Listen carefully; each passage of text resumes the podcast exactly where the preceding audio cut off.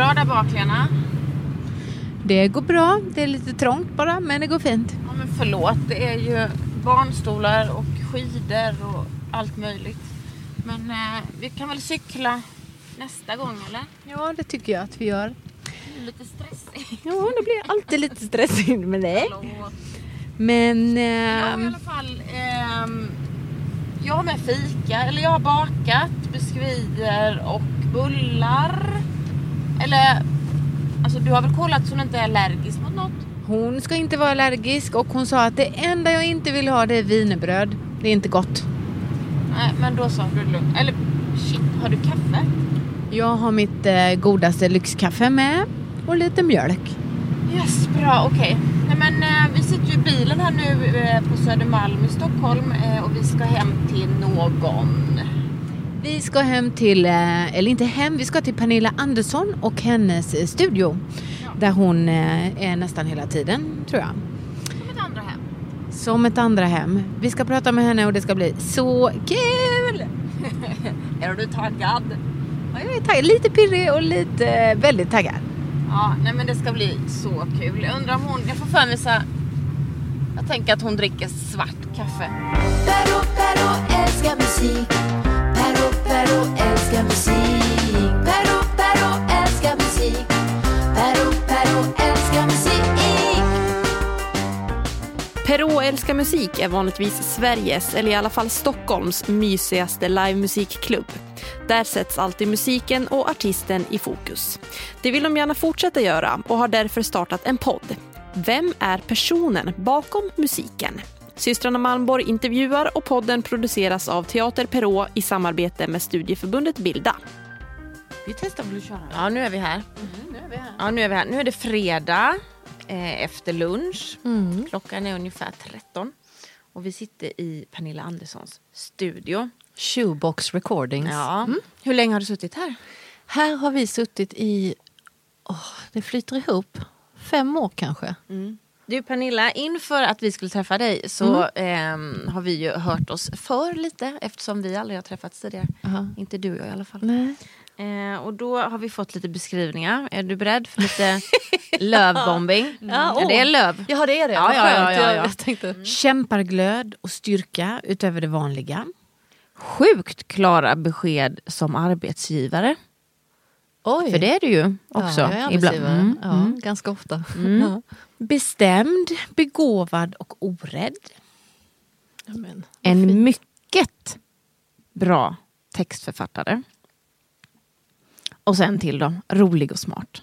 Åh vad kul, Ja. det var roligt. Det Mm. sista, rolig och smart. Det är ju Det är ju det bästa. Ja, lite så faktiskt. Att det är det som är liksom lite essensen av vad som är viktigt att ha med sig genom livet på något vis, tycker jag. Debutplatta 99. Mm. 23 år gammal och döpa en skiva till My Journey. Det är så här, Men kanske var 50 år för tidigt. Ja, men det är ju ändå... Fast Ja, det var en resa. Det var en resa från... Det är så inspirerande tänker jag när man är så ung och orädd och bara så här, är jag. Och det måste jag ju såklart tillskriva min pappa eh, som fostrade mig så. Det är så mycket i det som jag tänker på nu när jag har barn själv. Att Dels liksom lite hård uppfostran sådär men, men som nackdel då kanske att det var liksom det blir det, det, det vad heter det lindas inte in. Men den goda saken med det är att jag heller aldrig har känt att jag inte kan göra saker för att jag var tjej. Jag har aldrig överhuvudtaget reflekterat över det faktum att jag var tjej i studio för att jag var med pappa i studion och det fanns inget kön där. Och Men hur hans. tidigt fick du följa med in i studion? För jag vet att jag har sett Oh, någon bild ja. när du är ganska Ja, liten. men jag är fyra fem. Han byggde ju en studio i garaget eh, när vi flyttade från Stockholm till Hässleholm. Jag kommer inte ihåg den flytten, men då var jag fem. Eh, där han köpte in mixerbord och jag har inte jättestora minnen av det, men jag har minnen av att det inte var farligt att vara bland teknik och sladdar. Och jag har också minnen av att han var väldigt sådär Går det åt helvete så bara drar du ner alla reglerna så springer du runt och så drar du ur sladden och så väntar du så sätter du i sladden igen så börjar du om. Nya fräscha lakan och det har följt med. Den lilla grejen. Någon gång märkte man ju sen i livet men jag tror att det var både han kunde säga så på musikgymnasiet, ja, nej, jag tycker inte att du sjunger, alltså Jill sjunger bra och hon sjunger bra och den sjunger bra. Du har fortfarande en bit kvar men du skriver jävligt bra musik. Då hörde man ju inte det sista, man bara säger jag kan inte sjunga. Och så vet jag inte om det var därför jag fick etta i sång på musikgymnasiet för att han han skulle kanske börjat säga, du skriver så, alltså jag tänker ju på hur jag pratar med min son. Jag skulle aldrig manligt blabba ur mig det. Han sa han ser det klämma, fy fan vad kul. Alltså det, är så här, det är lite turnébuss och det är förmodligen därför jag känner mig så hemma i en turnébuss eller hemma i jargong. Att jag har liksom vuxit upp med riktiga grodor som ändå har varit kärleksfulla men i utvecklingsperioder inte särskilt lätta att ta in. Liksom. Känslor för den självkänslan jag fick, att kunna be folk dra åt helvete och eh, grundmurad självkänsla att du kan det här. Liksom. Mm. Men också den här att du kan inte sjunga, det satt ju fast. Jag började sjunga riktigt bra när han dog. jag kunde liksom, tycker jag själv. Alltså det var då den sista grejen släppte för mig för att jag hörde det för tidigt. Det är också, det här kan man ju prata jättelänge om, men man, man frigör sig från sina föräldrar och man vill också krypa tillbaka in i sina föräldrar när de blir gamla. Det är en väldigt stor jag tillbringar väldigt mycket tid både textmässigt och i mitt huvud med att förstå hur jag slår mig loss och kryper in i mina föräldrar samtidigt, båda två. Nu, jag är där i den åldern. Så att vi runt omkring åkte ju rollercoaster med att ena veckan så hade vi flyglar, det kom champagne, skaldjur. Det var som på Berns och sen andra veckan så fick vi låna pengar av mormor och morfar för att och sitta med jackor inne för att köpa olja till pannan. Så det var verkligen och det ser jag också nu. Jag har inga problem. Jag tror att jag har klarat mig skitbra i pandemin för jag är så jävla van vid att vara... Det går både bra och vara utfattig. Jag kan liksom klara mig på både och liksom på något sätt. Hade han varit en mamma så hade de ju sagt att han var totalt oansvarig förälder. Jag var ju mycket ensam från att jag var 13. Jag skulle aldrig lämna min son ute i skogen själv och dra iväg en helg när man är 13 år och glömt att handla. Och liksom, du vet, så det fanns massa såna. Och så var man lite rädd och arg, men så lärde jag mig då mycket med skog och vara ute. Och jag lärde mig vara ensam. Men ska man det när man är 13? tänker jag. Det finns så mycket för och nackdelar med allt. För han tyckte allt var roligt och kunde han så klistra fast hundralappar bakom tavlorna och hänga upp dem lite random. Så att när man ringde och var helt så här, det finns ingen mat. Du, nu ska du gå fram till spegeln och så vänder du på... Man bara, va?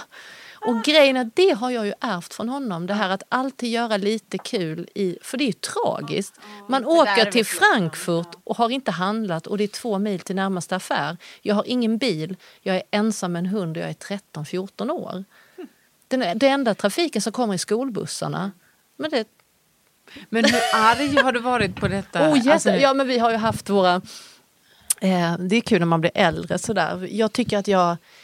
Ett tag så var det... Jag tror att mycket min ilska gentemot honom att han ofta har talat om hur det ska vara och sen när jag blir lite äldre så jag bara, men du har ju inte gjort det. Man ska gå på Akis för där har Bengt-Arne Wallin gått och Monica Zetterlund, man ska jobba på börsen och man ska göra si och man ska ha skivkontrakt där och man ska... Och jag tror att jag bara så här, men du har ju inte det.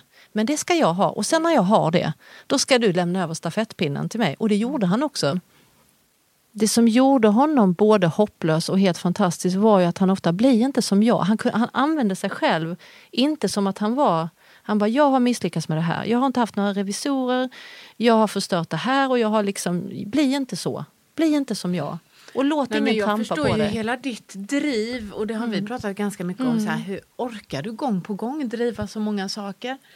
Nu Jag känns det ju så val, uppenbart känns att det det måste ju ha varit ganska mycket på grund av din pappa och Ja, hans sätt. ja, och sen är det också att, det satt jag och pratade med, innan jag kom hit idag, så att jag pratade om, väldigt många barn har ju en känsla av att om det inte funkar så kan man ringa hem.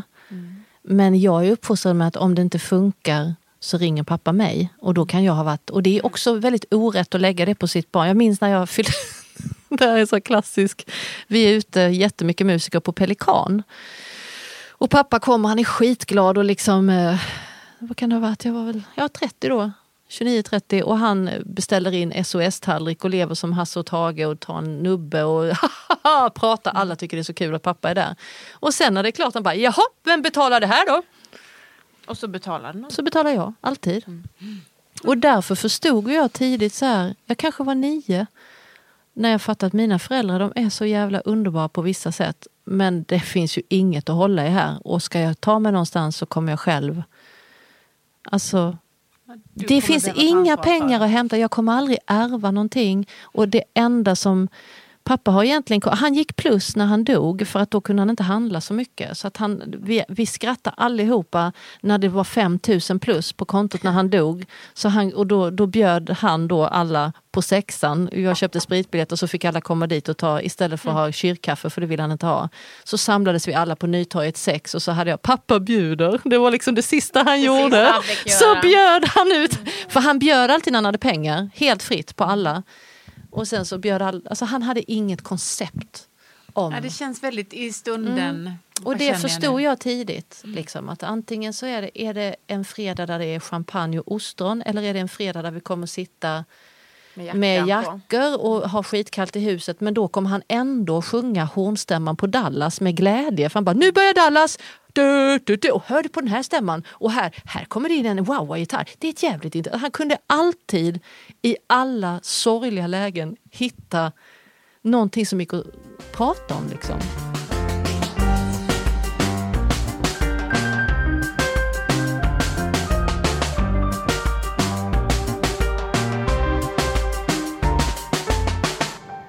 För er lyssnare då som inte känner Pernilla sedan tidigare.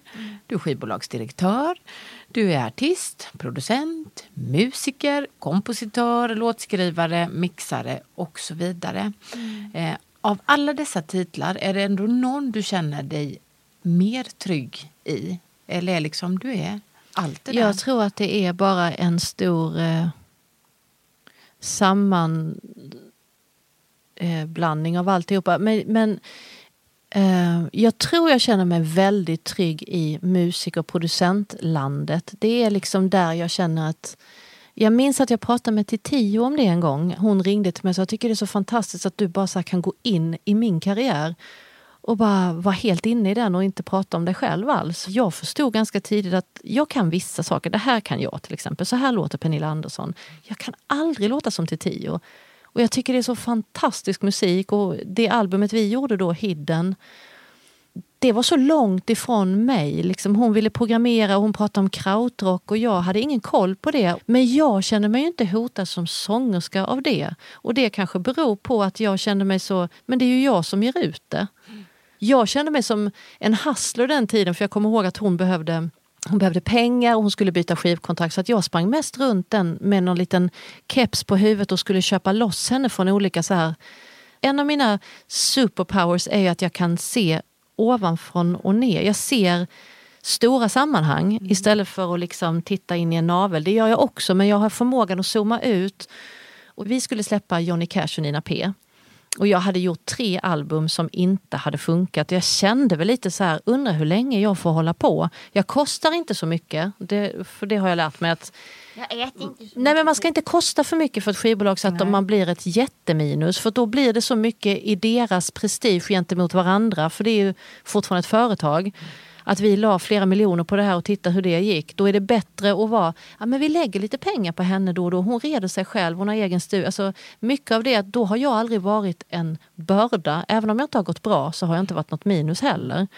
Och då förstod jag när, jag när vi startade Sheriff att om vi startar Sheriff Records nu och vi använder mig som artist, då kommer vi förlora Sonic, alla de här kreddiga magasinen som tycker att Pernilla Andersson det är ju lite väl mainstream och hon gillar ju bara, och det är jazz, jazzpop är ju inte riktigt kanske det man skriver mest om i de här smala tidningarna. Så här, men däremot till Tio förstod jag ju, när jag hörde att hon sökte bolag så tänkte jag, får jag henne så kommer det här bli ett kredibelt bolag vilket gör att jag kommer kunna släppa fler artister inklusive mig själv. Så jag liksom fick säga till mig själv, så här, nu har du en svensk platta, du har en hit, den kommer bli förmodligen. Men du får vänta. För att du kan inte fronta det här. Och alla var överens om det. Och det jag tror att en av de styrkorna då jag har är att jag kan sitta på ett möte och prata om Pernilla Andersson i andra hand. Och säga att vi måste köra till tio först. Kommer ihåg att den eh, vdn som var på Warner då jag bara, ja singel och singel. Ja, är det någon come along? För hon hade, det var det sista hon hade gjort var come along. Och jag visste det finns inte en singel på plattan därför att hon vill inte göra det.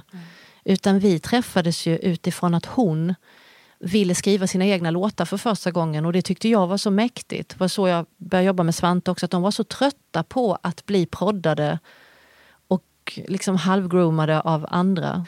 Eh, och det var ju liksom att man lite lovar så här, men det är till tio och det är liksom jag tänker, jag tänker, man satt och pratade med dem, så här, jag tänker att vi gör en intervju med bla bla bla och sen så pratar vi med, vad heter han nu då som i och för sig, då gjorde han ju inte det, satt i alla program, ja. Strage och eh, Jan Gravberg. Gradvall ja.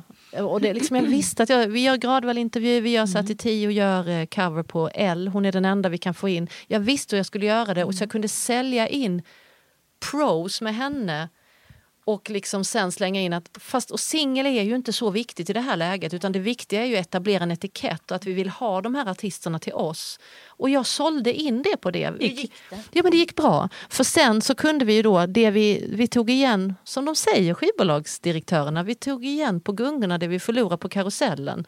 För när vi då hade fått all cred, hon fick fyror överallt, hon blev ehm, eh, nominerad till en Grammis. När jag hade gjort den så kom ju den där att nu måste du sätta såna här låtar nu. Nu måste du göra såna här låtar för nu, nu har det börjat rulla så nu kan du inte börja liksom, du kan göra utflykter och göra engelska skivor och göra vad du vill men du måste ibland som den legendariska Kjell Andersson sa, du måste kasta lite köttben till hundarna ibland så kan du göra vad fan du vill sen emellan.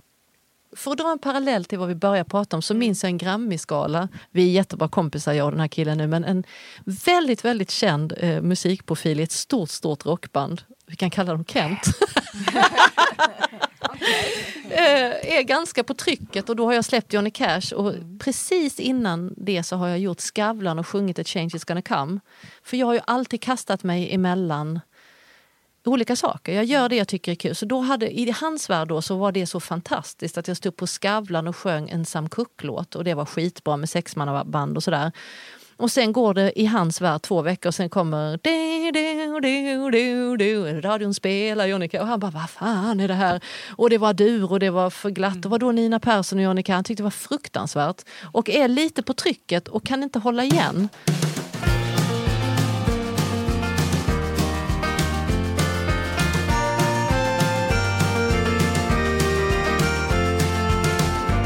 Jag springer Drottninggatan ner Vad fan du som är så begåvad, vad är det för jävla låt du har släppt med fallande basgång? Och videon, när ni liksom att ni är på en fan, vad håller du på med? Jag bara, ja vi kan ju inte alla, liksom, då tänker jag så här, min pappa, sa han sedelklämma? Det är lite så här, han bara jag tror inte han tänkte på vad han sa, att det var en sån enorm sågning av mitt låtskriveri, av mina texter, och av min video. Och liksom, det, var, det var sån konst, jätte... Och han är ändå nice guy. Liksom. Så jag bara, nej, vet du, jag tror inte alla kan stå som, som basist i ett band där någon annan skriver låtarna och bara får Grammis efter. Det är få förunnat. Andra av oss måste göra våra låtar själva.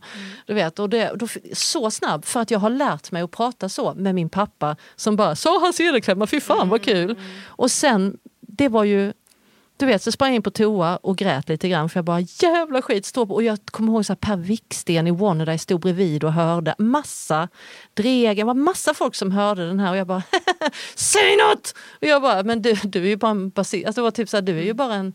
Och sen blev vi ju, han bara förlåt, fan jag, jag är full, förlåt. Jag bara ja. Men liksom... Tänk före. Men det gör man ju inte alla gånger. Men jag tänker att det skulle kunna, hade jag varit inte uppfostrad av min pappa, för jag gick in och bölade på toan. Och jag hade jättemycket så här ont i hjärtat att han inte tyckte att jag var bra. Och det tog tid för mig bara, men vem fan bryr sig om vad han tycker? Alltså det tar, och det är det jag menar, man står med sitt hjärta ute på ett fat och så bara blupp, eller någon skriver en dålig recension. Jo, man är ju bara människa, man vill ju bli accepterad. Precis, och man, blir, Alltså, ja, och man blir ledsen men samtidigt, it's part of the job. Du, du liksom, det kommer alltid, och så tänker jag så här alltid nu, vad, undrar vad jag själv har sagt. Jag försöker att inte kasta ur mig grodor men jag har säkert sagt saker ibland. ja, man Jag vet, vet ju aldrig inte. hur det tas emot av den andra. Alltså, Nej, ibland man är det ju lätt nej att... Mm. till demos. Liksom. Man har ju säkert Men du, jag har ett någonting. väldigt tydligt minne av när jag liksom fick upp ögonen för dig. Du var eh, 26 och jag var 20, år 2000. Då producerade du ju Svante Turessons Ja. nya Kickar. Ja. Eh, och var ju en av de första, om inte den första, kvinnliga producenten på ett mediebolag. Eh, ta en snus och jag minns det så, alltså det var då jag sa kan hon så kan ju jag. Precis, Mm. var ju det som var själva grejen. Ja, för då har jag ju läst när vi har gjort lite research eh, om det arbetet så har du sagt så här. Om det här går åt helvete kommer ingen annan tjej att få göra något. Nej, det var, det, det var därför jag började gå på Valium. Ja, nej men alltså det är så här, det låter ju så tungt och nu när man har liksom, du har haft ganska många tunga delar att liksom hantera i livet. Men där kom ju pappa in också. Jag fick ju spader där när vi hade börjat. Vi höll på ett år och skrev de här låtarna och sen, sen blev det jag som blev producent. Jag var inte säker på, det pratades om Magnus Frykberg och det pratades och så här, och sen, sen så tyckte både, det är där jag också måste säga när folk säger att patriarkatet och män och sådär, absolut finns det mycket i det. Men utan Svante, Gubbeli-Gubb-Gubb och Kjell Andersson, den yttersta gubben av alla, Lars Nylén, alla jag har jobbat med har liksom alltid bara, det är klart du kan göra det. Jag har aldrig känt mig, men lilla gumman vi måste ju ta in en kille här. Och jag vet inte om det beror på då pappa hade att jag kunde stråkarrangering, att jag hade gått på Akis, att jag hade en en, en slags driv som var så här, du kan inte, jag kan jättemycket om det och kunde jag inte det så låtsades jag att jag liksom, jag bara, jag tänker inte. Men, ut sladdarna och stänga Ja av. precis och, och sen var ju pappa där och Fredrik var där som alltid, jag har ju rasat ihop en miljon gånger. Jag har liksom eh, verkligen trillat ihop och legat som, men då har jag haft turen då att jag hade Fredrik som bara, ta det lugnt nu, nu benar vi ut det här. Och pappa när det var som värst körde sin lilla pundarsaab in till stan, hämtade mig och min studio, kör ner mig till Gnesta till sitt lilla torp, sätter upp grejerna i mitt torp, vi bodde bredvid varandra. Och sen var det så här, nu gör vi så här, va? nu äter vi jävligt stark mat. Och så tar vi några jävlar och så tänker vi på det här. Tills, och så tog vi en lång promenad och så berättade han, vi var ute och gick. Jag bara, ja, tänk om det här går åt helvete, vad, vad ska jag säga? Du vet, jag hade alla de här. Han bara, han bara, ja men det kommer inte göra det. Du vet, han var liksom väldigt sådär och så kunde han hade diversity, vad heter det, när man avledningsmanöver, man gick så hade precis hunnit liksom elda upp mig. Vad händer? För jag gick på Akis, alla visste att det här hände. Vad händer om jag bara totalt misslyckas och blir bortflyttad? Nej det går inte, vi får ta in en kille. Och liksom det kostade ju mig så mycket i att jag skulle vara känslokall så att jag, jag fick tag också. Hade fått tag på Valium i Indien, så här blå. Valium känner man ju ingenting av. Man blir bara så här, okej, jag har inga känslor nu. Jag är lite robotartad men eftersom jag åkte på budget, jag kommer ihåg att skivan kostade exakt 318 000 och det var på öret. Nu ska vi ha Karin Hammar, Magnus Ledus, vi ska ha de här blåsgrejerna, det kostar så mycket. Men då måste jag ta en hårddisk, det fanns knappt då. Kan jag ta en hårddisk till den studion? Hur gör man det? Alltså det var så det var så mycket press om att om det skulle funka och vi skulle ha Ala Surna som hade gjort Roxette och jag hade liksom tagit mig vatten över liksom jag kommer ihåg att jag satt och klippte en konga där nere och det hade jag inte behövt göra. Jag klippte en konga av den otroligt musikaliska Alfredo Chacon som redan hade spelat så svängigt. Men jag var så rädd att någon skulle höra om det var ett, ett slag som inte... Jag bara, då kommer det vara så här, ja, typiskt tjejer och slarva. Att de hör att den åttondelen är för... Så jag flyttade. Jag satt med du vet, gamla Logic som det såg ut. Jag bara, där är nog Alfredo lite för före i takten. Alltså det var det sjukaste. Men usch, jag får, åh, vad stressande. Jag hade 18 kanaler unisång på allt jag gjorde när jag stagade upp. Alltså det var såna jävla mixar. Och så var jag tokig och jag bröt i, i slutet ställde jag klockan på 18 minuter per, per session och så la jag mig bara och sov och så bara upp igen. Och, så här. och vi fick ju ihop det och den blev bra och det blev Grammis-nominerat. Men jag hade den, om jag misslyckas med det här, fast det hade ju inte alls varit så. Lalla hade ändå kommit. Lall satt väl inte hemma i Göteborg. Det är det när man är, man både utifrån och Men var kom pressen ifrån? Alltså var det... från mig själv. Jag ville visa hela världen att jag var så Quincy Jones. Det var så viktigt för mig och det var alltså, den självkänslan också när jag klarade av det. Det Men var det finns också något- bevisa för pappa eller för liksom Nej, hans mycket för EMI också, eller- skivbolaget, alla jazzmusiker. Alltså att jag bara, jag tar Svante, the, the, the institution of Turesson. Och jag gör det bra. Och jag ville också att alla musiker som var med skulle känna, och det var, det var nästan den största, att Svante var nöjd är jättekul. Men att musikerna ofta till och med idag kan säga, fan jag lyssnar på den plattan, fasen vad, jag spelar så sjukt bra, vad bra du har mixat mig där. Det är min yttersta, så här, då blir jag, Jag så här, på att gå sönder. Ja, och jag, jag gick sönder och jag trillade ihop. Jag tänker, Phil Spector gick omkring och sköt folk. Brian Wilson, alltså det finns ingen som inte har brutit ihop. Jag tycker ändå att mitt så, men efteråt fick jag ju... Jag har gått mycket i terapi och jag har eh, jag avgiftar mig själv från sömntabletter och Valium. Jag kunde ju inte fungera utan dem. Det kostade på. Det kostade på och det var det verkligen värt. Det ska jag Tyck- säga. säg- ja, Det var värt, det? ja, allt jag har gjort i mitt liv, har, varje smärta har varit värd det. Man måste stå i kläderna i smärtan, den går över och det går inte... Nu låter jag som en sån här romantisk eh, Ulf Lundellare som är kär i kärleken men det går inte att vara helt sann och brinna så mycket utan att få ont. Smärtan, du kan inte, det går inte. Och jag tror att när, i yngre dagar så satte jag mig också i skit för att jag, om jag slutade skriva någonting som var bra så kunde jag bli så rädd för att nu kommer jag aldrig mer skriva något av värde igen. För jag mår för bra så nu måste jag göra något jättekonstigt. Och så gjorde jag något jättekonstigt så jag mådde jättedåligt. Och sen hade man väl tur då att man råkade ut för en tsunami. Och liksom, jag tror inte att jag med, med mognaden jag har idag skulle tycka att det var en jättebra idé att gifta mig med en rockstjärna till exempel. Eh, som, som jag, alltså jag ångrar ingenting av, av mitt liv. Jag, alltså jag ångrar ju dåliga saker såklart. Alla ångrar ju saker som om man har gjort illa andra människor och sådär. Men i stora hela drag så måste jag säga att jag är otroligt tacksam för min smärta och min uppväxt. Men det har nog med att göra att jag är väldigt så här pro-terapi och sådär. Att jag gillar att gå in och bara, varför är jag så här? Och se sina, så här, egentligen är man bara en jätteliten femårig tjej som vill höra, är jag okej? Funkar det? Måste jag ge er någonting för att ni ska tycka om mig? Det är därför man är arbetsgivare, det är därför jag blir så glad när du säger att du är en bra arbetsgivare. Då blir jag så här, åh gud vad skönt. För egentligen ska jag ju skita i det, de får ju betalt av mig. Men jag blir så här, åh de gillar mig. så, som alla artister, vi vill så gärna bli bekrä- Det handlar ju om det från början tror jag.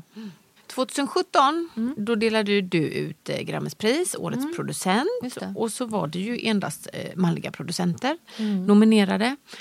Eh, har du eh, tankar kring varför det inte går liksom lite snabbare eh, kring en jämställd musikscen eller musikbransch? Ah, ja, det, jag har jättemycket tankar men jag har inga svar. Jag tror det handlar om eh, gamla hjulspår. Jag, sen tänker jag också att populärmusik är en så ny... Eh, alltså om vi tittar på producentskap genom tiderna så är det ju egentligen inte förrän på 60-talet vi egentligen började så här prata om producenter som alltid var manliga då. Eh, och det var en struktur som fanns överallt. Eh, och jag kollade då när jag gjorde Svante, det fanns kanske Det var inte många i världen. Jag hittade någon så här rockproducent. Eh, jag, jag, liksom jag hittade en tjej i Göteborg som heter Melissa Linell som hade hållit på med Robin för, när, i, för länge, länge sedan. Och så där. Men det, var- det var ju inte så att det bara fanns massa producenter överallt. Ehm, så jag tror att vi får börja tänka på kvinnligt producentskap som fenomen egentligen i början på 2000-talet. Vilket ju är 40 år efter det började. Och då började det i Sverige med mig, men sen kom det ju faktiskt då eh, Arne Brun, det kom Katarina Nuttall, det kom ganska många på kort tid som gjorde saker. Sen tror ju jag då att eh, de kvinnorna är så multibegåvade ofta. Som Lalle eller som Katarina Nuttall, Arne Brun. Att det är nog mer vanligt att du som man kanske inte var sådär jättebra på att skriva låtar eller var jättebra på att sjunga så du blev producent.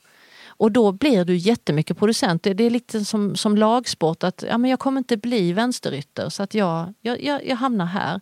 Och kvinnorna har ju istället då varit så himla duktiga hela vägen så att de är liksom bättre overall på både att stå på scen och sjunga och producera och spela. För att det var så vi kom fram att vi var alltid tvungna att bli lite bättre. Inte så, idag är det ju en annan Idag tycker jag att det är en annan känsla att, att det spelar ingen roll om du spelar bra eller dåligt, alla får spela. Men när vi växte upp, alltså vi som är i vår, det var ju, det var ju liksom för att komma med en stor turné.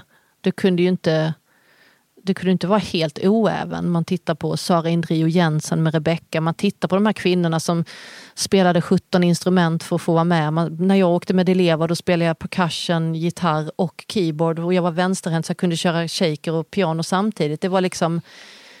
Och det var så här, tänk, Annika Granlund som spelar trumpet och trummor med Magnus Uggla. Så vår generation som kom då, vi var liksom multibegåvade begåvningar om man säger, för, för att få vara med. Lite. Det var så vi blev inplockade och sen så lever jag ju fortfarande i det att man ska vara så bra. Men där kan vara en liten förklaring till att de kvinnliga producenter som finns lägger sin tid, som Lale till exempel. Jag är helt övertygad att hon skulle kunna producera tio plattor om året med någon annan. Mm. Hon är skitbra producent. Men hon gör sig själv för att det bär sig ekonomiskt. Det är hennes drömmar, det är hennes texter. Hon är så jävla bra på allt så hon gör det.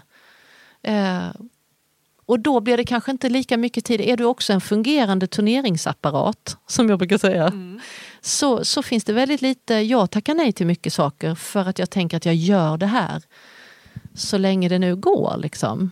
Eh, Alltså det här som i ditt egna... Ja, i mitt eget Ja. namn. Liksom. Och för det har rullat så bra. Och så, så tänker jag att, att eh, i Grammis-juryn då, för det är mest de priserna vi har, Manifest och så har vi, har, det är ett väldigt litet land. Vi har ju inte så himla många ställen där producenter märks överhuvudtaget och där tror jag det blir så här att det finns en gammal känsla av att men producenter det ska ju vara sådana som producerar andra.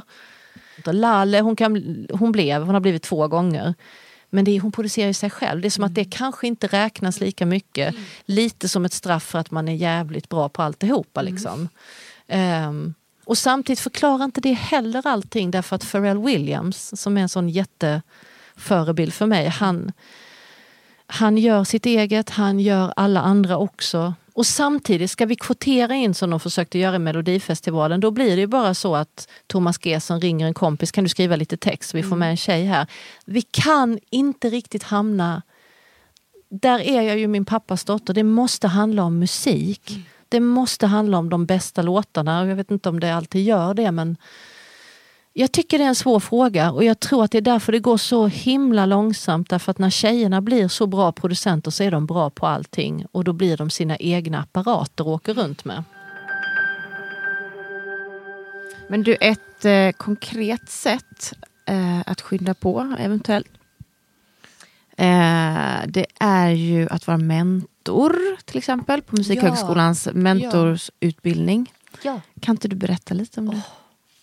Jo, alltså det var fantastiskt måste jag säga. Jag, ehm, jag fick en fråga om att bli mentor och sen så blev det väldigt kort så blev det ett snack om men de måste få, vi måste ju få betalt för att vara mentorer för att det är ganska smala områden som skulle vara med. Och I vanliga näringsliv och sådär så har man aldrig betalt för att vara mentor men då har man ju massa andra betalda jobb. Så jag kunde ju förstå att man hamnar i ett läge där det är svårt för någon kanske att vara mentor samtidigt som jag känner att det är verkligen för mig ett sätt att ge tillbaka och inte tjäna pengar. Jag vill inte... Men då hamnar vi i det. Så att jag, där var det en typisk sån där Pernilla Andersson-grej att jag sitter på Akis med Cecilia Rydinger Alin som då var rektor. Hon bara, ja vi, vi har ju inga pengar till den här utbildningen. Jag bara, men pengar kan man ju gå till näringslivet och fråga om. Jag, jag gick förbi nya Akis och såg den här guldpläterade, har ni sett den som är där inne där det står Wallenberg och det står även Pernilla Andersson Dregen där nu. ja, jag är skitglad för det för jag tänkte att det var, så är jag lite fåfäng, det får jag nog ändå säga att jag, jag vill gärna eh, att mitt namn ska stå där i guld. Att jag, jag gick och frågade en kompis i näringslivet, kan du ge oss 100 000 bara? Ja, vad får jag för det? Ja, jag vet inte. Akis är ändå rätt väl renommerat. Du har mycket pengar. Ni får, ni får guldpläterat HiQ, ditt märke och sen så, så får ni fri studietid för de, hade, de var ett sånt där em, innovationsföretag som hade rockband och de hade han var en fantastisk så här lite Richard Branson-ledare som bara, de hade massa grejer på sin agenda. Så de fick ju massor med tid på Musikhögskolan att utnyttja expertisen där i studieteknik. Och så att jag hasslade igen där som jag gjorde med Titio. Och eh, fick in då pengar så att det, det gick att avlöna de som ville ha lön. Eh, de som ville ha lön fick lön för att vara mentorer och jag ville inte ha lön så att jag tog ingen lön. Eh, och då fick jag guldplakett och så fick jag då den här tjejen, eller jag hade två tjejer har jag haft och nu har jag hoppat av det för att jag är, jag är en sån person. Jag ledsnar sen. Är klar? Liksom? Jag är klar nu. Nu har jag gjort det och jag fick min guldplatta och jag har två tjejer som är jättebra som kom ut. Och den ena tjejen var väldigt kul. Julia heter hon. Eh, lärde mig jättemycket. Jag har program Splice till exempel. Har du aldrig hört talas om Splice? Hon skrattar åt mig att jag skriver autoload fortfarande. Mm. Jag har liksom varit eh, veckans eh, skämt eh, många gånger och samtidigt så tror jag att hon har fått säkert ut mycket av mig. Men vi hade en fantastisk relation där hon förklarar massa saker för mig och jag förklarar massa saker för henne. Och sen att komma då en dag till studion här och jag öppnar och går in och där sitter Julia i kontrollrummet där ni kom in mm. och spelar in Ulf Elving och ska klippa ett program med Kajsa Grytt. Då kände jag så här, jag blev så... Oh. Ja men du vet, jag blev så här... That's my girl. jag blev nästan som att det var... Mm. Ja men precis, och hon kommer gå vidare och jag säger det till alla. Ni måste dela med er, annars så går det inte. Ni måste ta fram någon annan. Det är ett även ni, ni gör ju det också för ni intervjuar folk. Man måste dra det vidare. Jag tänker att du framstår i alla fall när vi pratar så här. Du ger ju väldigt mycket. Ja, och så ibland har, att du får tillbaka. Jo, men jag får, oh, jag får jättemycket tillbaka. Jag, jag känner ju, jag har kanske inte jättemånga relationer med människor men de jag har eh, betyder så jättemycket för mig. Alltså på ett sätt att jag liksom ibland känner att, att eh, det är som familj. Jag kan, jag kan bli alldeles... Jag, jag, tänker mycket på döden så här, eftersom pappa har dött och jag inser att vi kommer göra det en dag. När man förlorar en förälder så blir det väldigt tydligt att saker och ting har ett slut. Mm.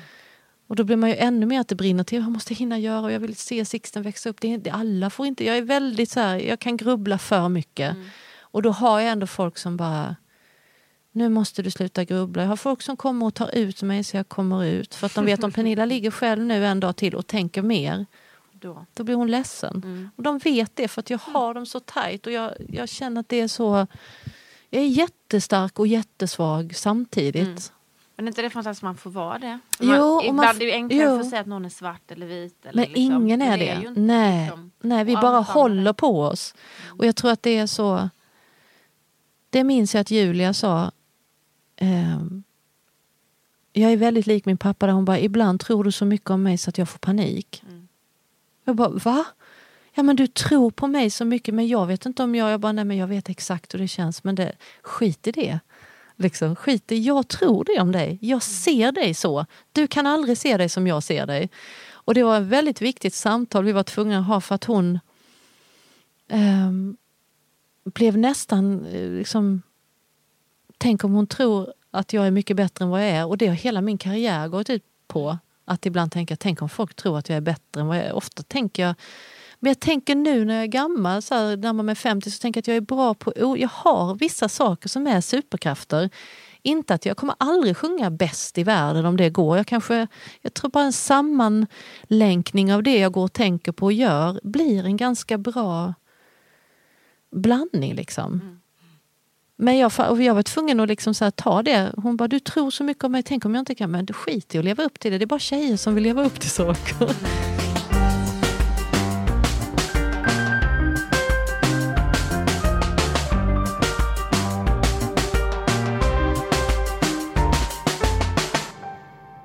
Men du, något annat du ger av, eh, det är ju dina fredagsdanser för att prata om något helt annat. Alltså, så konstigt att det blev en eh, grej. Nej men jag tycker det är så underbart. Kanalen är ju Instagram och väldigt många uppskattar ju de här danserna, inklusive mig själv. Och Stefan eh, Sundström mejlade mig. Jag har en väldig glädje av dina danser. Jag bara, va? Alltså det är från alla möjliga håll. Liksom. Nej, men jag tycker det är ljuvligt. Eh, men sen finns det ju alltid de som letar liksom, felen i det där. Och om jag inte har fel så, så pausar du ett tag. Ja, För jag att du fick för jag blev- mycket- ja, jag, det som, jag, som gjorde att jag pausade, det här är också typiskt. Jag, jag, jag är ganska hårdhudad med tanke på det här med sedelklämman och så, att det började så tidigt med den jargongen. Att jag, liksom kan, jag kan låta mycket rinna av, men när det kommer till när, någon, när en kvinna ifrågasätter mig som mamma och använder droger och eh, alkohol. Jag har, eh, kommer ifrån eh, ganska jobbiga omständigheter med, med alkohol och så. Så att min största farhåga är ju att jag skulle bli alkoholist någon gång eller narkoman. Jag skulle inte bli narkoman, men jag tänker att jag är en sån där person som alltid har vetat att om jag skulle gå i närheten av heroin så skulle jag bli världens bästa heroinist. till exempel. Jag tror att jag skulle tycka att det var helt toppen för att jag är så lös. Liksom. Jag skulle tycka att det var så här perfekt vad jag har förstått av den drogen. Och jag skulle aldrig komma av den och jag skulle förmodligen dö i det för att min, jag är så intensiv som person. Så att eh, det har jag alltid haft klart för mig och när Män kan jag ta när de skriver så här, fan det var inte, du vet, det var inte tillräckligt sexigt idag. Eller du vet, så här, man bara, men fuck you, det, det skiter jag i. Men när det skriver en kvinna till mig, jag ser att du är full när du dansar och ditt barn kommer att lida av psykiskt, eh, psykisk ohälsa och jag är behandlingsterapeut och jag kan ju se. Då började jag, då fick jag så här, tittade själv på mina klipp, ja jag dansar med ett glas vin och så bara, men ja det kanske inte är bra. Och så blir jag den här Eh, så, så tänker jag då vidare, så något som min pappa aldrig gjorde som jag gör, då tänker jag så här, herregud, tänk om några föräldrar i Sixtens klass följer mig och tror att jag är full. Och liksom, tänk om det går ut över honom i skolan, att han kommer, din mamma är töntig som dansar på, han är åtta år liksom. Så det var mycket för den grejen som jag, och, och jag blev så tagen av det och, och också att jag förklarade mig. För den. Nej, men jag, jag, jag, jag gjorde det på ett roligt sätt men jag kan tycka att det är egentligen ganska sorgligt att jag Eh, jag har, vi har en sån här blåsare, eh, alkoblåsare när vi är på turné, så jag blåste i den och dansade en dans tre veckor efteråt tror jag det var. Att jag är helt nykter, jag, är bara, jag bara dansar. Liksom. Och lite sorgligt kan jag tycka. Jag, jag står för att jag la ut det och att jag var lite så här fuck you, men samtidigt så sorgligt att jag känner att jag behöver rättfärdiga mig Förklara dig. förklara att nej, jag är inte en alkoholist. Och då tänker jag på då som har varit gift med en rockstjärna i 11 år. Att om han postar en bild när han står med en cigg i mungipan och en shot. Och det är aldrig, jag har aldrig sett på hans sida att någon har ifrågasatt honom som pappa överhuvudtaget. Mm, men, Jag vill ha mer kaffe. Ja, vet du? Jag med. Jag Jag håller. måste smaka en bulle. Ja, det. Hembakad, I love.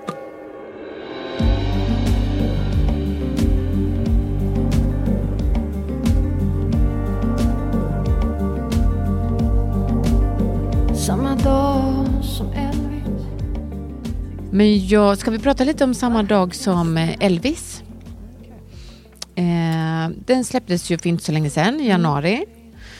Eh, den handlar om din pappa.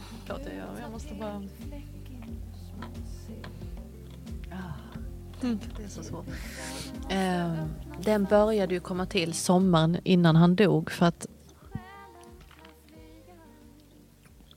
det är så mycket jag måste tänka på vad jag säger nu. Uh, pappa fick ju sin dödsdom i maj 2019. De trodde inte han skulle klara sommaren. Så att jag och jag skulle åka ut på turné. Uh, och han bestämde sig helt enkelt, varandes min pappa, för att han skulle sluta äta bara. Ehm, så han drack bara bärs. Okej. Nej, men han, gör- det var liksom det jag fick i honom. Och Sixten fick i honom saft. Men vi trodde ju att han skulle gå, både läkarna och jag och alla, ja men typ i midsommar. För så länge som han levde kan man inte leva egentligen. Han svalt ihjäl och det var... Han hade också... Man brukar säga moment of clarity som kommer när man börjar närma sig döden, att man kommer tillbaka lite. Och blir... Ehm, han hade tappat nästan alla sina ord men han eh, kom tillbaka lite i stunder. Och samma humor, du vet, vi kunde, han kunde inte prata, men man kunde göra såna här grejer så att vi började gapskratta. Och det var många små, små grejer. Och jag, jag skulle dra ut på turné och jag tänkte jag måste göra det här för att jag måste, jag, var, jag är ensamstående morsa. Eh, jag har min son, eller hade, väldigt mycket mer än vad pappan hade honom så att jag eh, hade ett helvete med att hinna till pappa, hinna till dagis, eh, samvete. Och så hade jag den här bokade turnén och om jag hade ställt in den så hade jag inte haft några pengar att ta hand om min son. Så att jag bara kom in i ett jättedåligt läge där jag Um, jag började springa känns det som. Jag, började så här, jag sprang och vi åkte hem från spelningar. Um, och jag började skrev fragment av allting. Jag satt i hans gamla gungstol och hade ganska svårt att få ihop allting och jag var jävligt arg och rädd och ledsen och han dog aldrig. Han höll i och han var ute och gick och vi gick och tog en jäger och det var liksom så här, Det var så obegripligt att den här döende människan ibland var som att han skulle gå till Berns. Alltså, det är så jävla typiskt min pappa också att han ville ju inte dö. Men han bara slutade äta för att han ville inte leva heller. Men jag upplever inte att han gick ur världen enkelt eller att han gick ur världen han ville inte dö, så han kämpade emot och dog samtidigt. Det var liksom... Och då satt jag i hans gungstol och så tänkte jag så här, vad, vad, vem kommer sitta i den här gungstolen? Sixten var med innan han blev för dålig, alltså när det började bli riktigt illa.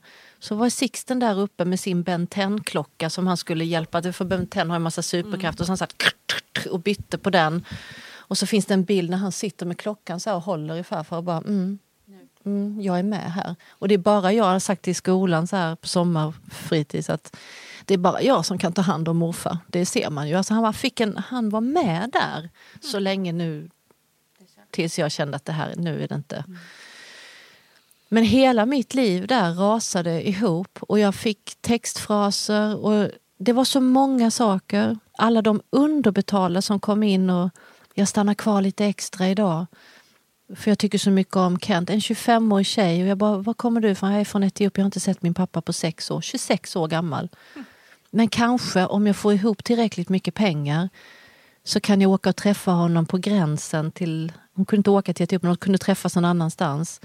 Men det är ju svårt för jag har så dålig lön. Och så lyckades jag få ur henne att jag får inte betalt för det här. Vi får vi får ju tid istället. Så för mig var det så mycket som bara brakade ihop. Att jag kom inkörande helt slut. Att jag satt och skrek åt min exman. Ojämställdheten i att jag hade för mycket och att det inte fick liksom... Jag, jag fick inte ihop det och jag tyckte inte att de som borde vara där, men nu har jag gått i terapi så mycket över det här så inser jag att, att i den historien så fanns det också en pappa som dog och ett trauma och alla tyckte om pappa. Fredrik hade en relation till pappa, Dregen hade en relation till pappa och alla skulle komma upp och säga... Alltså det blev ett helvete för alla tror jag. Den perioden och mest för mig och jag tog då ansvar som vanligt för alltihopa och jag började... Jag hade bråkat så mycket med vardagar om att pappa satt i bajs. Jag hade hållit på så länge och kämpa och det kanske var överdrivna känslor men när då hon berättar att jag får inte betalt för att vaka men jag får tid. Vad fan ska hon ha den extra tiden till alldeles ensam i ett land? Hon har inga föräldrar, hon är 26 år. Vad ska hon sitta i andra hand i Fisksätra i någon lägenhet som hon inte vet hur länge hon får ha och ha tid? En extra dag för att hon tittar på en gubbe när han dör som hon inte har någon relation till. Hon tycker säkert att det är jätteläskigt. Det, för mig, jag, jag fick såna och samtidigt så här så inser jag, nu dör han alldeles snart och han har inga pengar. det är liksom den också, fan ska få ihop till begravningen. Och då kom Hustlern igen. Jag skulle åka ner och spela, det här är verkligen en fin historia. Jag skulle åka ner och spela på Sliperiet i Värmland hos Oskar Magnusson.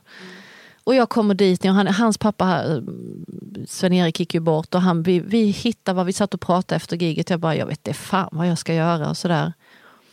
Och så sitter vi, han har ett galleri och liksom vi börjar prata, jag måste hitta pengar. Jag vill ju att han ska ha en riktig begravning. Och jag, han har inga pengar liksom. Han bara, men han tecknar din pappa? Jag bara, han tecknar. Så han, han tecknar ju pappa, han hade så här noter. Så att, vi, han bara så här, jag köper en tavla för 30 000 Pernilla. Och jag, du vet, jag sitter i Grums. Det är bara dagar kvar. Det var 11 augusti. Pappa dog 16, samma dag som Elvis. Och jag kommer ihåg att jag kom tillbaka till pappa som då låg, det gick inte riktigt att prata med honom. Kom tillbaka, tog ner den där tavlan och bara, I'm fine. Jag hasslade in i det sista. Så gick jag på vägen hem förbi Sofia kyrka. Och gick in och sa, vi har inga pengar, kan ni begrava pappa gratis? Jag kan spela här. Så jag sålde in mig själv. Som pant för att han skulle få.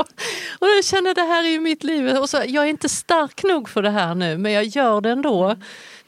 Och jag skrev ner alla de här sakerna, det här öppna fönstret och, och Chilpi kommer in, hon var muslim och hon bara du måste öppna fönstret så själen kan flyga ut. Jag bara va? Jaha, Öppna. öppna fönstret då.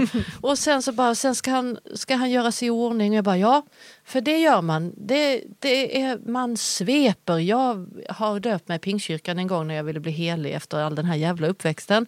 Och man tar hand om sina egna och det ska jag klara av. Och sen så blev det så att jag var efter några dagar så, han dog aldrig helt enkelt. Så att jag var tvungen att gå hem och ge Sixten mjölk. Vi sitter i soffan, han dricker mjölk, jag har sovit några timmar och då ringer de och säger du, han har dött nu. Och jag bara, fan! Men jag tror att han inte ville dö. När jag, jag tror att han höll i för att jag var där på något jävla sätt. Så jag springer upp för backen och är så jävla ledsen att jag inte fick vara med när han tog sitt sista. Men jag var tvungen att ta hand om min son. Jag vet, jag, ett och ett halvt år efteråt vaknade jag halv tre varje natt av att pappa i min dröm, så här, hur, varför var du inte där? Alltså det, är inte, det, är inte, det är ju jag. Ja. Alltså, men att jag inte var där har tagit tid. Jag var jävligt arg. Och samtidigt så känner jag, jag har ju fixat begravning och jag har ju fixat det här. Jag. Och jag har ju sålt det här och Jag jag, har fixat min fönstret. kyrka, jag har öppnat fönstret. Det är ju själva fan. Och så bara, ja. Men det är livet. Mm. Han dog på fredagen. Jag skulle skola in Sixten på Montessori på måndagen. Och så på lördagen så kommer jag ihåg att jag bara, kan du ha Sixten några timmar för att jag måste gå till pappa och titta. Jag, liksom det var så här konstigt att jag sitter då, då har de flyttat honom för att, då hade Chilpi också sagt i, i islam så, så brukar vi kremera dem inom ett dygn så att de inte, jag bara helvete! Det ska jag. Jag måste kremera bara för att jag, jag kunde inte tvätta pappa. Det tog också tid. Jag, jag var för, jag är inte den Fanny och Alexander 1800-tals kullagulla så att jag bara, det är helt normalt med en död pappa som, har, som, som är helt still. Och jag hann upp och han var inte, han var fortfarande varm när jag liksom, men det var ju, han var ju borta. Och jag hade ju valt kläder till honom som var alldeles för stora för han vägde ingenting när han dog. Han svalt ju ihjäl. Så han, de hade gjort sitt allra yttersta och när jag kom in så hade de, han såg ut som Saddam Hussein. Alltså han låg i en... Du vet, jag kom in och, bara, och de kom ut, de hade tänt ljusen. Hans fina ljus. De hade varit ute och snott en pelargoniablomma hos någon annan gammal som de hade satt för i islam så sätter man handen. i handen och så bläser den hade, och så hade de vattenkammat honom. Liksom. Eh, och han såg inte ut så. Och jag kom in och hon var så stolt, Chilpi. No, han kommer till paradiset. Och med allt det hon tror på och fönstret var öppet och Aster som är 25 och inte har sett sig, hon mådde ju skitdåligt också för det var väl hennes första att tvätta en död människa. Och de fick ingen psykologihjälp, de hade ingen att prata med. Så jag var helt sådär och så kom jag in och bara nej, Det var... Vem var hörni, det? han kan inte se ut, ja, han kan inte se ut så här. Och så, samtidigt så tänker jag så här, om pappa hade varit här nu så hade han sagt någonting. Vad fan ser jag ut som? Jag är ju för fan Saddam Hussein. Alltså jag, jag kunde se Ja. hans humor och det här med sedelklämman i gluggen. Så att jag, du vet så här, tog, tog bort den här pelargonen, öppnade och så bara rufsa till hår. Jag bara, här står jag och rufsar håret på en person som är död som inte är kvar. Jag skrev ju jättemycket då och alla de här bilderna och allting blev ju till slut, ett år senare, så blev texten klar till samma dag som Elvis. Alltså den blev... Jag spelade, började spela in den tidigt men jag, jag skrev om och jag skrev till. Och jag bara, jag kan inte skriva den utan Aster och Chilpi.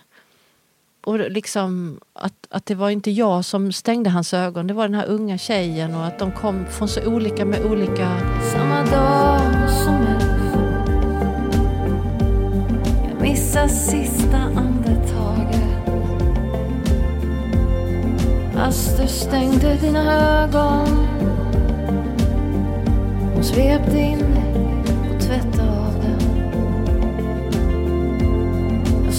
med krossat glas i hjärtat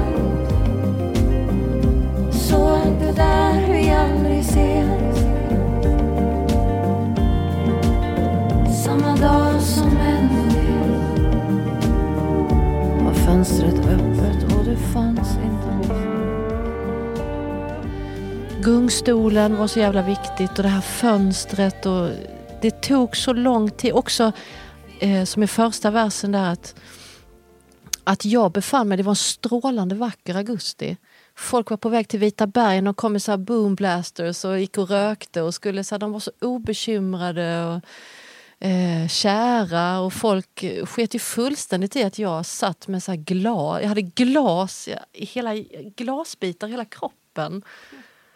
Det var ingen som, det bara får, det bara går vidare, livet och det ska vara så, men det fattar man ju inte då. Det som jag sa i början, det kostar alltid smärta att göra saker som verkligen känns. Men ingenting som är värt någonting är ju lätt. Tror du din pappa hade tyckt om eh, samma dag som Elvis? Han tyckte det var bra, lite för lite jazz. Tror jag. Men det, det, han tyckte väldigt mycket om eh, blåset. tror jag. Ja, det är en fantastisk produktion tänker jag. Till väldigt stolt den över den. texten. Ja, jag är väldigt stolt över den produktionen faktiskt. Vet Om man- du vad Pernilla, eh, batteriet, vi har pratat så länge så batteriet Ja. Mm. snart kommer ta slut. Eh, men vi, alltså när vi kör Perrault älskar musik Mm. eh, som eh, konsertserie och musikklubb så brukar vi alltid ställa fem snabba frågor till Ja, artisten. jag ska försöka vara snabb och inte... Där man bara ska det. välja det ena eller det andra utan att tänka så länge. Mm. Ehm, vi kör va? Är du redo? Mm. Men jag bara, vänta. Nej, hon har bulle i Jag har munnen. bulle. bulle. Ja, men du, du, Sitter en jag bulle i trodde- gluggen. Ursäkta, du har lite mm. Okej, vi kör. Fråga nummer ett. Kamin till morsan eller gullig kanin till din son Sixten? Kamin till morsan. Vi vet ju att du gillar att fiska. Mm. Jigg eller hårdbete? Jigg. Mest abborre på det. Mm. Smörstekt. Gott. Köksdans eller dans på Brännö brygga? Köksdans. På På- Brännöbrygga. Torrbastu eller ångbastu? Torrbastu.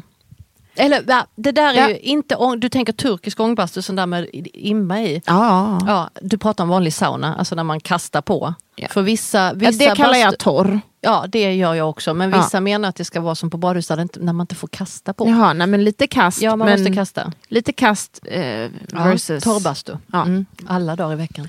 Smågodis eller torkad frukt i logen? Vad har vi? Vi har torkad frukt. Fast jag nu vill nog hellre ha smågodis. Och visst har någon skvallrat om det? Ja, Om den torkade frukten. om Vem då? aprikos. Ja! det måste vara mycket.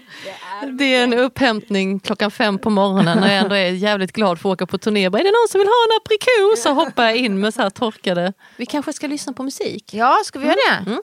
Ja, det var ju vår sista fråga om du har någonting ehm, Ja, Smaskigt. det här är faktiskt en rolig grej som, som vi skrattar åt idag, jag och Fredrik jag åkte hit. Det är att den här nya låten heter Weatherman. För att jag aldrig hittade någon svensk text på när jag skrev låtsastexten. Eh, och så har jag fått skriva texten runt att jag sjunger Running with the Weatherman. Vad är the Weatherman? Jag måste skriva en text om det, om, om det här drivet. Då, som man, eh, och så efter samma dag som Elvis, det är mycket så med mig, så känner jag att eh, den var så jävla sorglig så jag måste bara göra något annat också. Och har skrivit med Fredrik där i den att vi gör alla milen tillsammans. Men när vi sitter och pratar om den här låten Weatherman så säger Fredrik så här. Du, egentligen är det ju konstigt, vi har tjafsat i alla år om att dina låtar på engelska borde översättas men du borde typ skriva några verser på svenska och sen kan du sjunga refrängerna på engelska. Det spelar väl ingen roll? Säger vi 15 år efter vi började diskutera det för att den här nya låten kom. Att det liksom fanns inte i min värld, ah, vi måste ha en svensk översättning, då ska det vara hela låten. En gammal, alltså det är ju helt oväsentligt nu. Nu har ju alla engelska ord med i får svenska göra låtar. som man vill. Ja, men det, att man nu vid 47 bara, man kan göra som man vill. Det tycker jag är så här, att det kom nu. Det är lite, lite så här, gå över ån efter vatten. Ja, så kan man göra. Så Men det här- kom i alla fall. Ja, Ja. det kom till slut. Och det är också det att någon sitter utifrån och bara, men du borde gjort så här. Jag bara, ja, men då gör vi så nästa gång. Då. Det är skönt att ha någon som alltid eh, liksom speglar en på något vis. Mm. Tack så mycket då. Men då ska vi spela Weatherman ska lite längre, heter den då. Åh, vad kul. Ja. Hej då! Hej.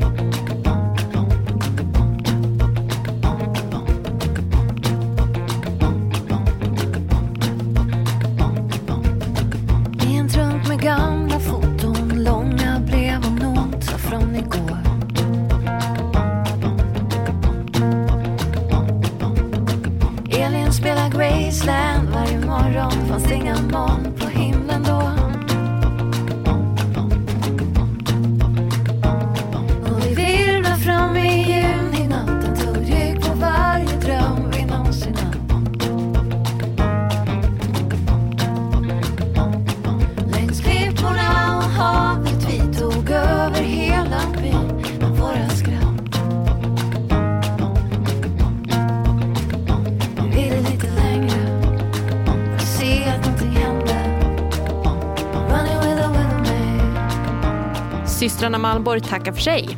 På återseende.